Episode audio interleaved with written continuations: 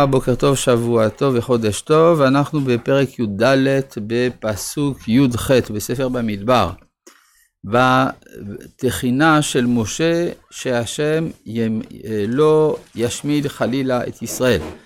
ואז הוא אומר, יגדלנה כוח אדוני כאשר דיברת לאמור, השם ערך אפיים ורב חסד, נושא עוון ופשע ונקה לא ינקה, פוקד עוון אבות על בנים.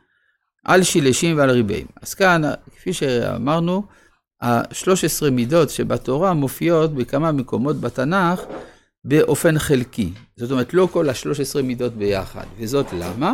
לפי צורך העניין. למשל, ב-13 מידות, כפי שמופיעות בפרשת כי כתוב פעמיים השם. השם, השם, אל רחום וחנון. ערך אפיים רסד ואמת. אז כאן, אה, למה פעמיים השם שם? לפני החטא ואחרי החטא. אבל כאן זה אחרי החטא, אז מוזכר רק הדבר השני. אל רחום וחנון, זה לא תמיד זה עובד, כי הרי אל רחום וחנון זה כאשר האדם עושה תשובה, אבל הם בשלב הזה עוד לא עשו תשובה. אז אבל הוא ערך אפיים ורב חסד. נושא עוון ופשע וחטא. זאת אומרת, הוא ערך אפיים, שהוא אה, רואה את הדברים לאורך ימים. לאלפי שנים, נוצר חסד לאלפים, כמו שכתוב. גם פה זה לא כתוב, אבל ערך אפיים זה פחות או יותר אותו העניין, שיש סבלנות. ערך אפיים, הכוונה שאומנם כעת, לפי נתוני ההווה, הנידון איננו ראוי לרחמים, אבל אם עושים חשבון לטווח ארוך, למשל שלא יהיה חילול השם בעיני הכנענים, כמו שדוד, כמו שמשה אמר כאן, כן, ושמעו מצרים גם כן. אז, אז, ואז יש חשבון שלטווח ארוך צריך לסלוח לעם, ולכן אומר ערך אפיים ורב חסד, נושא עוון ופשע. למה לא חטאה?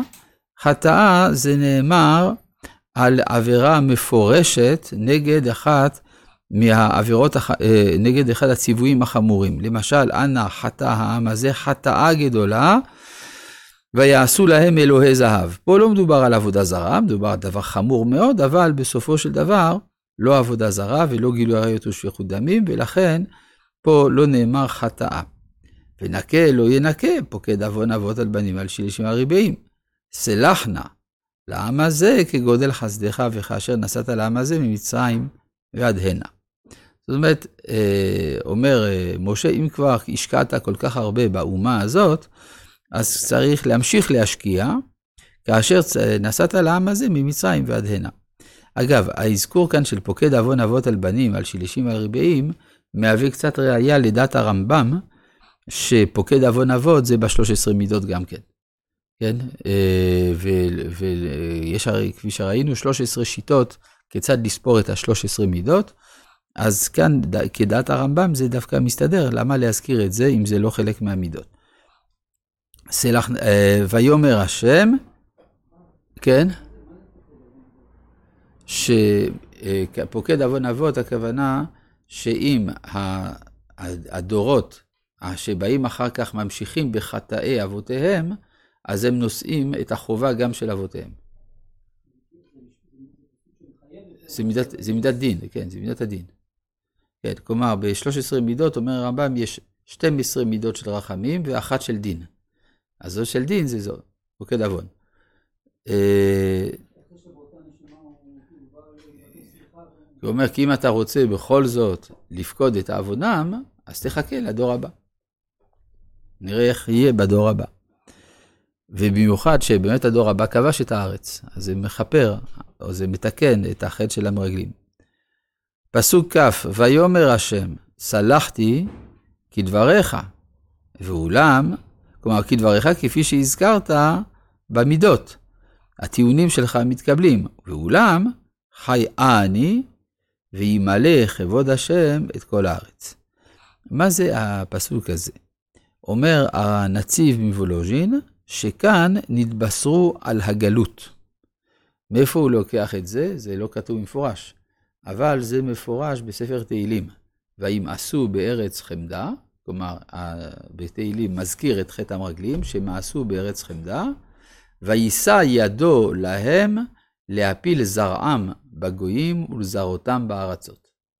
אז איפה המשורר בתהילים לוקח את זה, לוקח את זה מפה, שימלא כבוד השם את כל הארץ, שהתיקון של העולם ייעשה על ידי גלות. כלומר, אם העם לא רוצה להיכנס לארץ ישראל, סימן שיש לו נטייה, אחת מהנטיות שלו זה גלות, ואז הגלות תהיה אחד האופנים שימלא כבוד השם את כל הארץ.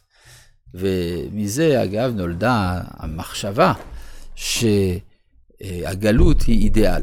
כן, היו אפילו רבנים שחשבו כך שהפיזור של עם ישראל בעולם הוא אידיאל, ושרק אחרי שאנחנו נשלים את כל התפקיד שלנו של להאיר את אומות העולם באור של קדושה ומוסר, אז אנחנו נחזור לארץ ישראל לפנסיה.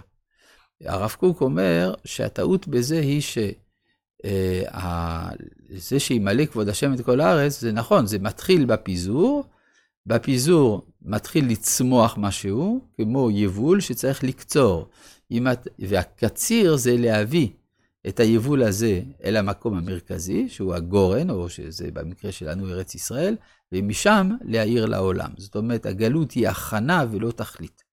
על כל פנים, פה הוזכרה האפשרות של הגלות, וימלא כבוד השם את כל הארץ. כל הארץ זה כל העולם. כי כל האנשים הרואים את כבודי ואת אותותיי, אשר עשיתי במצרים ובמדבר, וינשאו אותי זה עשר פעמים ולא שמעו בקולי, אם יראו, כלומר זה לשון שבועה, אם, זה, הוא נשבע שלא יראו, את הארץ אשר נשבעתי לאבותם, וכל מנעצי לא יראוה. זאת אומרת, יש לפעמים שצריך לחכות עוד דור.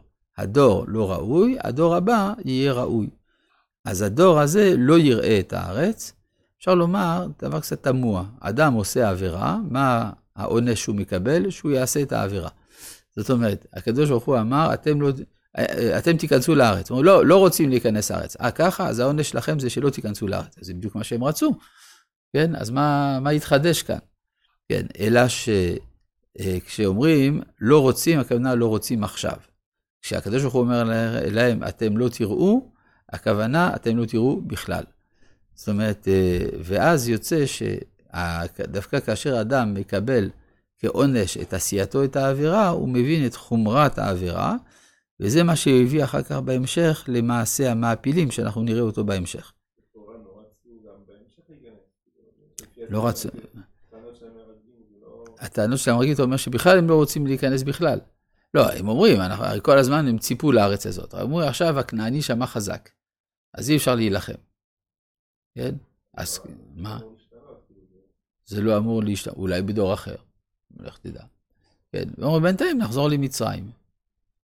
נראה, כשהתנאים יבשילו, נעשה את זה. אבל כעת אי אפשר. כן, זה...